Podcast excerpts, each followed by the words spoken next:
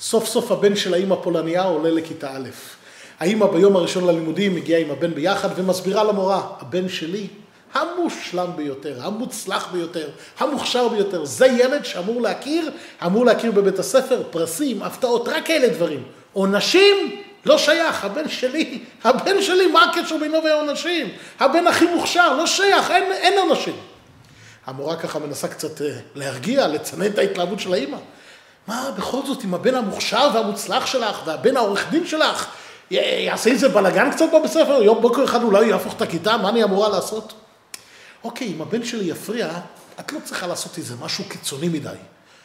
את לא צריכה להעניש אותו. את יכולה לקחת את הילד שלידו, את הילד שיושב לידו, תני לו עונש כבד, אני מבטיחה לך שהבן שלי כבר יבין.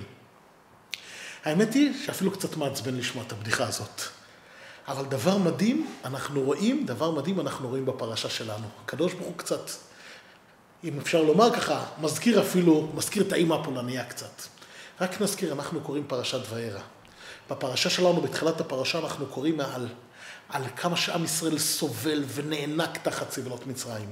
כמה שפרעה ממשיך ומכביד את עולו על עם ישראל, מתעלל ומשפיל את העם היהודי מאוד מאוד. אבל בהמשך אנחנו כבר מתחילים לראות את האור. וארא מלשון אור, אנחנו קצת רואים את האור שבע מתוך עשר המכות שהקדוש ברוך הוא מנחית על מצרים, שהקדוש ברוך הוא מכה את מצרים, שבע מתוך עשר המכות כבר מובאים בפרשה שלנו. אבל מי שמעיין בפרשה שלנו, אנחנו רואים דבר מאוד מעניין. אם מעיינים קצת, המכות, מה אתם אומרים חסידים? נפתלי, למה הקדוש ברוך הוא הביא את המכות? למה הקדוש ברוך הוא הביא מכות על מצרים? אה? להעניש אותם. אז רבותיי, בשביל להעניש את המצרים, אתה צודק, אתה כמובן צודק נפתלי, הקדוש ברוך הוא רצה להעניש את המצרים, אבל בשביל להעניש את מצרים, מה צריך את הדם, והצפרדע, והכינים, והערוב, מה צריך כל כך הרבה? הקדוש ברוך הוא, איך כתוב בפסוק? המביט לארץ, המביט לארץ. ותרעד. הקדוש ברוך הוא יכול להביט על הארץ, להביט על מצרים, והיא תרעד, וכבר מצרים תחרב. אם הקדוש ברוך הוא רוצה להעניש את פרעה, רוצה להעניש את המצרים על האכזריות, על היצחק, אם הקדוש ברוך הוא רוצה להעניש את המצרים על זה שהם התעללו בעם ישראל בכזאת צורה, לא צריך כל כך הרבה יצירתיות, להתאמץ כביכול, לא שזה באמת מאמץ אצל הקדוש ברוך הוא כמובן, אבל מה צריך את הדם והצפרדע, הקדוש ברוך הוא יכול להכין את מצרים ברגע, ברגע אחד. המכות נועדו, אומר הפסוק, ורש"י מסביר את זה יותר טוב. המכות נועדו בשביל עם ישראל, לא בשביל המצרים. תשימו לב, שמעון, אני רוצה לקרוא את לשון הפסוק. יצחק, תשים לב מה שהפסוק אומר, תשימו לב. ואני אקשה את לב פרעה, והרבתי את אותותיי ואת מופתיי בארץ מצרים. אומר רש"י על הפסוק הזה, זה מופיע בפרק ז', פסוק ג', אומר רש"י דבר מדהים. הקדוש ברוך הוא הביא, הקדוש ברוך הוא, מידתו של הקדוש ברוך הוא, אני רוצה לצטט את לשון רש"י חסרים. מידתו של הקדוש ברוך הוא מביא פורענות על האומות כדי, שישמע, כדי שישמעו ישראל ויראו. ורש"י מביא, רש"י מביא פסוק בצפניה, הכרעתי גויים נשמו פינותם, אמרתי אך תראי, אך תראי אותי תקחי מוסר. תשימו לב, רש"י אומר לנו דבר מפתיע. המכות, שוב, המכות נועדו לא בשביל המצרים, בשבילנו. מה הכוונה? אנחנו כבר יודעים, כל ילד שפותח חומש בראשית, חסידים, כל ילד שפותח חומש בראשית כבר רואה מיד למה הקדוש ברוך הוא ברא את העולם, נכון? בראשית ברא אלוקים. בנימין, מה אומר על זה רש"י? זוכר מה רש"י אומר על זה? בראשית ברא אלוקים. אם אתה שואל, למה הוא ברא? למה הוא ברא? היה לו משעמם? למה הוא היה צריך את בריאת העולם? מיד, במילים הראשונות עונה, עונה התורה על התשובה הזאת. למה הקדוש ברוך הוא ברא את העולם? חסידים, הוא ברא את העולם? בשביל בראשית, בית ראשית. צדיקים, יש שני דברים שנקראים ראשית. התורה נקראת ראשית ועם ישראל נקרא ראשית. בשביל שני הדברים הללו הקדוש ברוך הוא ברא את העולם. כל העולם. כל הבריאה, ולא רק הבריאה שלפני 5,784 שנים, כל הנהגת הקדוש ברוך הוא, זה שהוא מנהיג את העולם אך ורק בשביל עם ישראל. כן? הקדוש ברוך הוא שולח את אברהם אבינו מחרן לארץ ישראל. וכשהוא מגיע לארץ ישראל הוא רוצה לנסות אותו. איך הוא יגיב כשהוא יגיע לארץ ויפגוש רעב? אברהם אבינו מגיע לארץ ובאמת פוגש רעב. והקדוש ברוך הוא רוצה לראות, הוא יערער? יערער חר אלוקים או לא? האם הוא יערער ויגיד, אלוקים שלח אותי מחרן לפה והוא מביא אותי לרעב? הקדוש ברוך הוא מביא רעב, מיותר להזכיר שאברהם אבינו עומד בניסיון, אבל פה נשאלת השאלה, בסדר, אברהם אבינו היה צריך לחוות רעב בשביל לעמוד בניסיון, אבל למה כל יושבי הארץ היו צריכים לחוות רעב? אה, מה אתם אומרים? נפתלי, מה אתה אומר? למה כל יושבי הארץ היו צריכים רעב? בסדר, אברהם אבינו, אבל למה כל יושבי הארץ היו צריכים להרגיש רעב? חסידים, אולי זה נעים, אולי זה לא נעים, אנחנו המרכז של העולם. אנחנו התכלית של העולם. כל מה שקורה בעולם זה אך ורק בשביל עם ישראל. כן, אברהם אבינו, הקדוש ברוך הוא רצה לנסות את אברהם אבינו, אז הוא הביא רעב בארץ. כן, רק לפני כמה, רק לפני שבועיים, קראנו את כל הסיפור של, של הרעב העצום, יותר משבועיים קצת, את הרעב העצום שהיה במצרים, נכון? הפרעה חולם, שבע שנות שובע, שבע שנות רעב, למה כל הבלאגן הזה היה? למה הקדוש ברוך הוא הביא שבע שנות רעב ושבע שנות שובע? למה כל הסיפור הזה? פשוט מאוד. יש משפחה בארץ ישראל. יעקב אבינו ו-12, יש לו 12 בנים.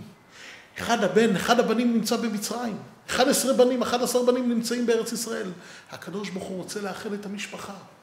הקדוש ברוך הוא רוצה שיעקב ירד למצרים, יפגוש שם את יוסף. גם כמובן, לצערנו, גם גלות מצרים הגיעה בעקבות כך. אבל תשימו לב, כל הבלגן העצום שהיה בעולם, כל הבלגן העצום שהיה בעולם, כל השובע, שבע שנות השובע העצום שהיה, ואחרי זה הרעב הכבד שהיה, הכל, הכל, הכל, הקדוש ברוך הוא עושה את זה בשביל שיעקב ויעקב ובניו יפגשו את יוסף במצרים. יהודים יקרים, שוב, אנחנו לא יודעים האו"ם יאהב את זה או לא, אבל אנחנו צריכים לדעת את האמת. כל מה שקורה בעולם, הכל, הכל, הכל נועד אך ורק בשבילנו, בשביל עם ישראל. בפרשה שלנו הקדוש ברוך הוא אומר אפילו יותר מזה. גם כשהגויים חוטפים מכות, גם כשפרעה חוטף את עשר המכות, המטרה האמיתית זה לא פרעה. תשימו לב, פרעה מגיע לו מכות. האכזריות שהוא התנהג כלפי עם ישראל בהחלט מצדיקה מכות. אבל הסיבה האמיתית שהקדוש ברוך הוא הביא את הטעם ואת הצפרדע ואת הערוב, זה בשביל שאנחנו נכיר את הקדוש ברוך הוא. איך אנחנו נקרא בעזרת השם במנחה של, של, פרשלה, של השבת הקרובה? למען תספר באוזני בנך ובן בנך את אשר התעללתי במצרים. אתה שומע שבתאי?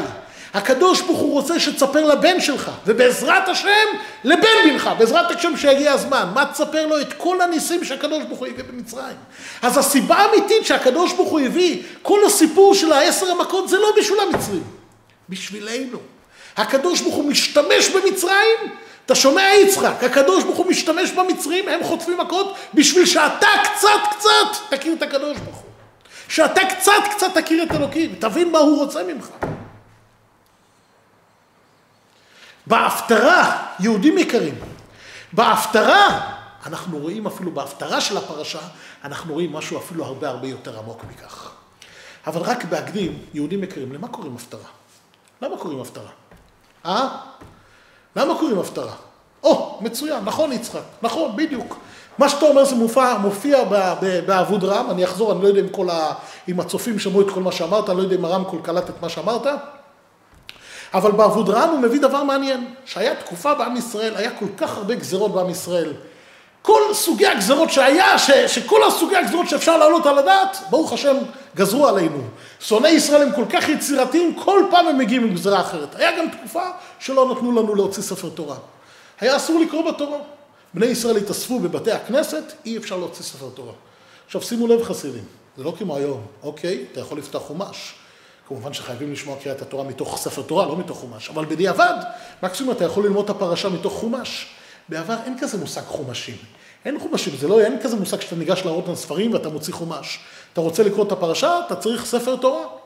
ספר תורה אין, לא נותנים להוציא ספר תורה, באו חכמים ותיקנו, באו חכמים ותיקנו, כשאין אפשרות להוציא ספר תורה, תיקח קטע בנביא, שהוא מזכיר את מה? שהוא מעין הפרשה, משהו שהוא דומה לפרשה, כן?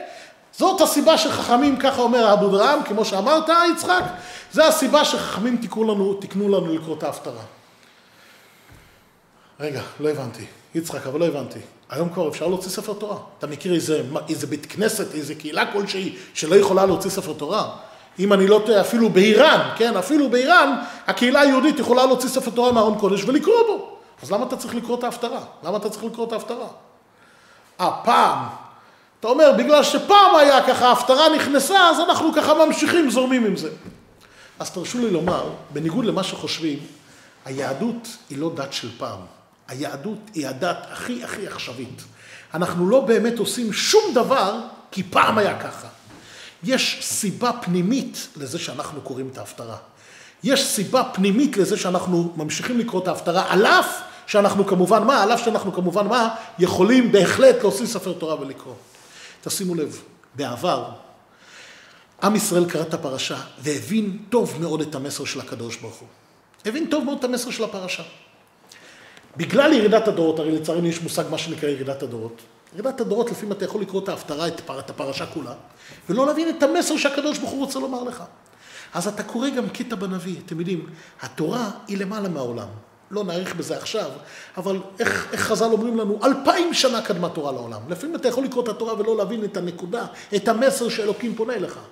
זבולון, יש מצב שתקרא את הפרשה ולא תבין מה בדיוק הקדוש ברוך הוא רוצה לומר לך. אז מה עושים? חכמי ישראל תיקנו לנו כך קטע בנביא. הנביא זה שהקדוש ברוך הוא מדבר אל בני האדם. הנביא כביכול, הנבואות של הקדוש ברוך הוא שמופיע בנביאים, זה כביכול הקדוש ברוך הוא פונה לבני האדם, זה משהו יותר קרוב לשכל שלנו, לדעת שלנו. אז לפעמים אם המסר של הפרשה לא מספיק ברור, אז אנחנו קוראים את הנביא בשביל לחדד לנו את המסר שהפרשה רוצה לומר לנו. כן? זו הסיבה שאנחנו קוראים הפטרה. בהפטרה פה מופיע, תשימו לב, בהפטרה, הנקודה הזאת, שכל העולם, כל העולם, כל הנהגת העולם היא אך ורק בשבילך, כן, כמו שאמרנו מקודם, הקדוש ברוך הוא מביא שובע, ואחרי זה רעב כבד, אך ורק בשביל עם ישראל, אך ורק, אך ורק בשביל לאחד את משפחת יעקב אבינו.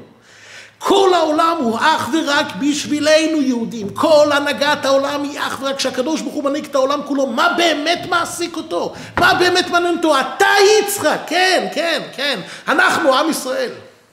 אז תשימו לב, המסר הזה לפעמים אפשר לחשוב שהקדוש ברוך הוא מנהיג את העולם בשביל עם ישראל. הוא חושב על עם ישראל בכללות. כן? כמו הרבה חושבים, הקדוש ברוך הוא בחר באברהם, יצחק ויעקב, בשרה, רבקה, רחל ולאה. וכל אלה שיוולדו ממהם, כל אלה שיוולדו מהם. אז באה ההפטרה, היא מחדדת את המסר. אנחנו כבר נראה מה כתוב בהפטרה, שממנה אנחנו נבין שהמסר, יצחק תשים לב, שהמסר של הקדוש ברוך הוא בהפטרה, המסר של הקדוש ברוך הוא בהפטרה, שהקדוש ברוך הוא אומר, אני לא בחרתי בעם ישראל רק באופן כללי. ודאי שהוא בחר בעם היהודי באופן כללי.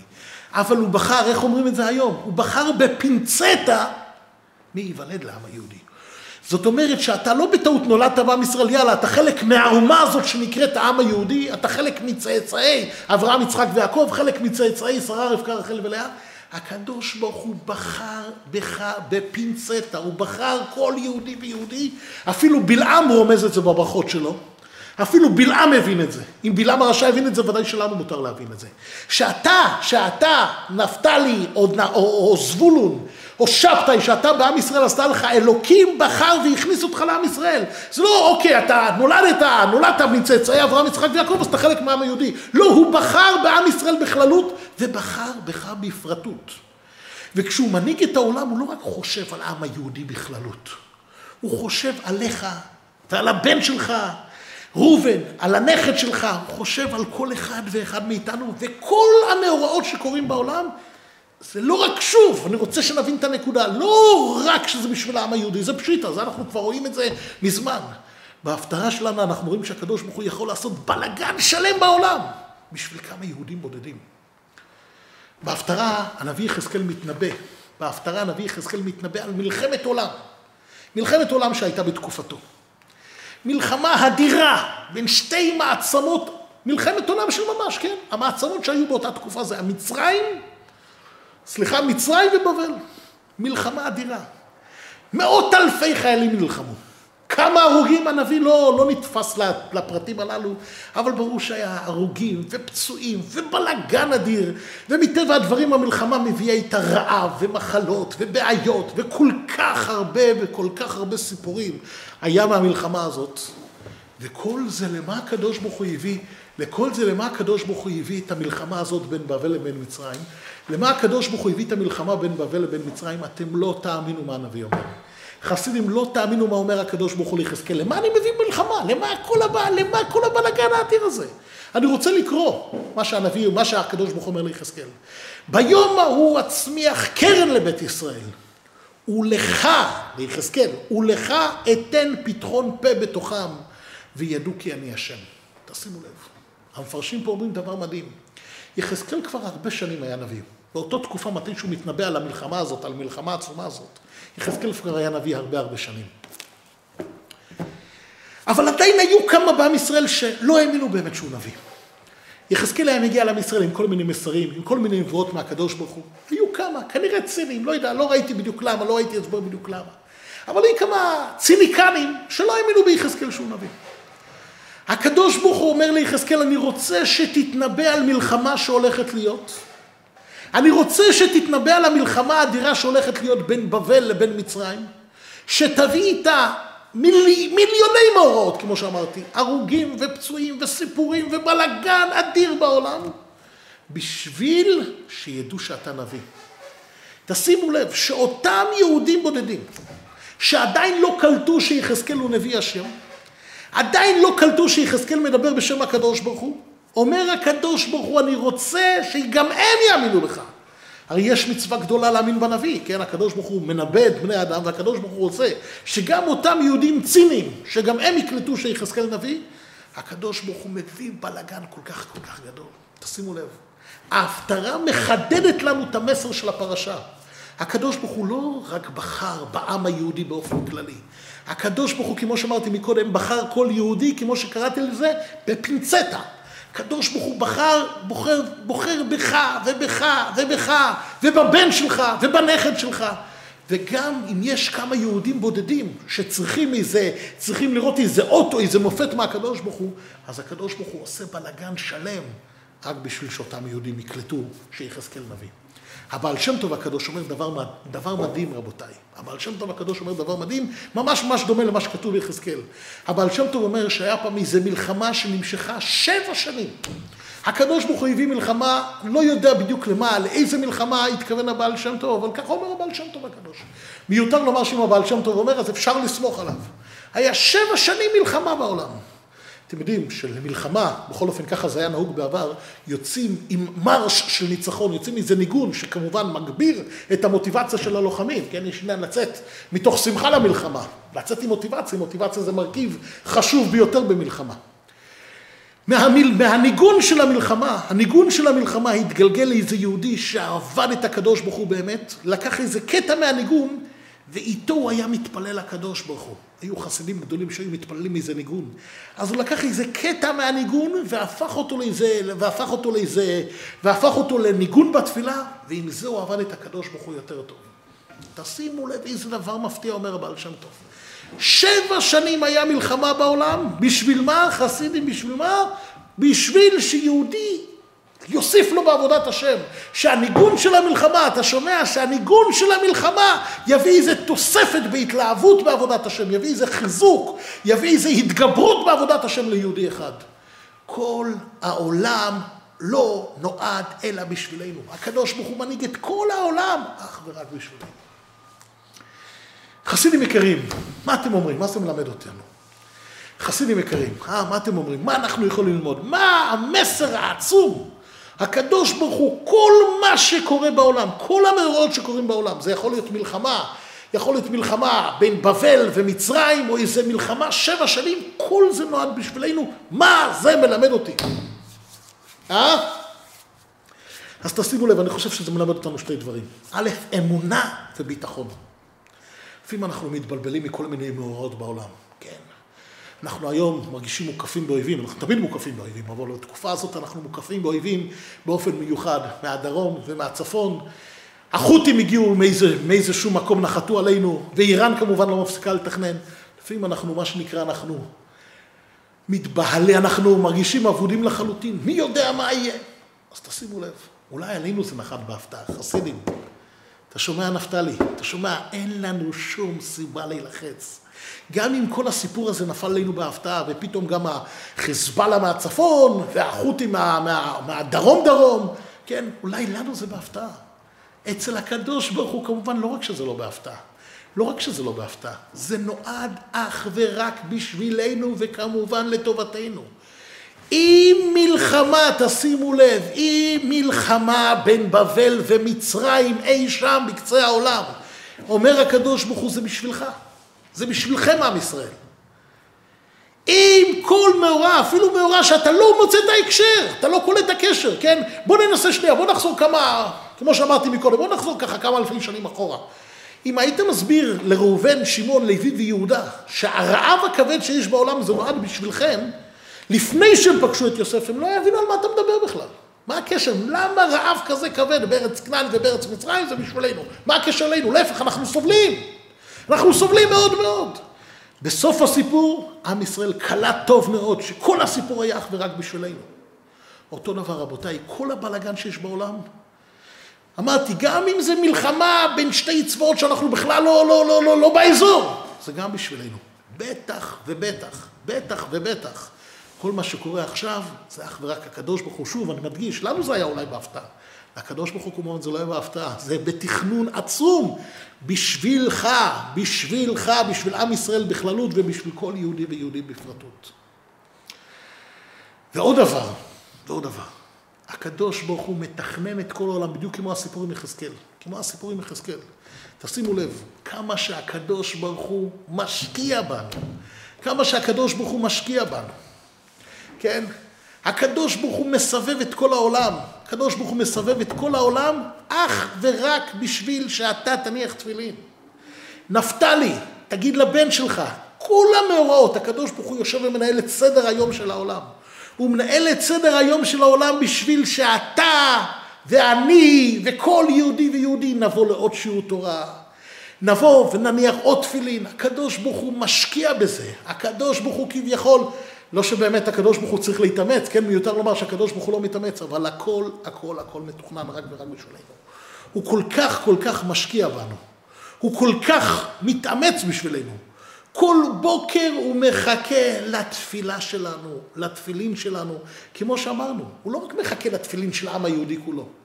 כשהקדוש ברוך הוא ביקש תפילין, הוא לא רק חשב על העם היהודי כולו, הוא חשב על נפתלי ועל שמעון ועל שבתאי. ועל ראובן, ועל יצחק, ולוי עליך, שבתאי על הבן שלך, הוא חושב על כל יהודי ויהודי. אז אנחנו כמובן נתחזק בזה, נזכור שכל העולם אך ורק בשבילנו. זה זכות גדולה מאוד, אבל זה גם אחריות כבדה. ואנחנו נעמוד בזה בהצלחה גדולה בעזרת השם. תודה רבה יהודים.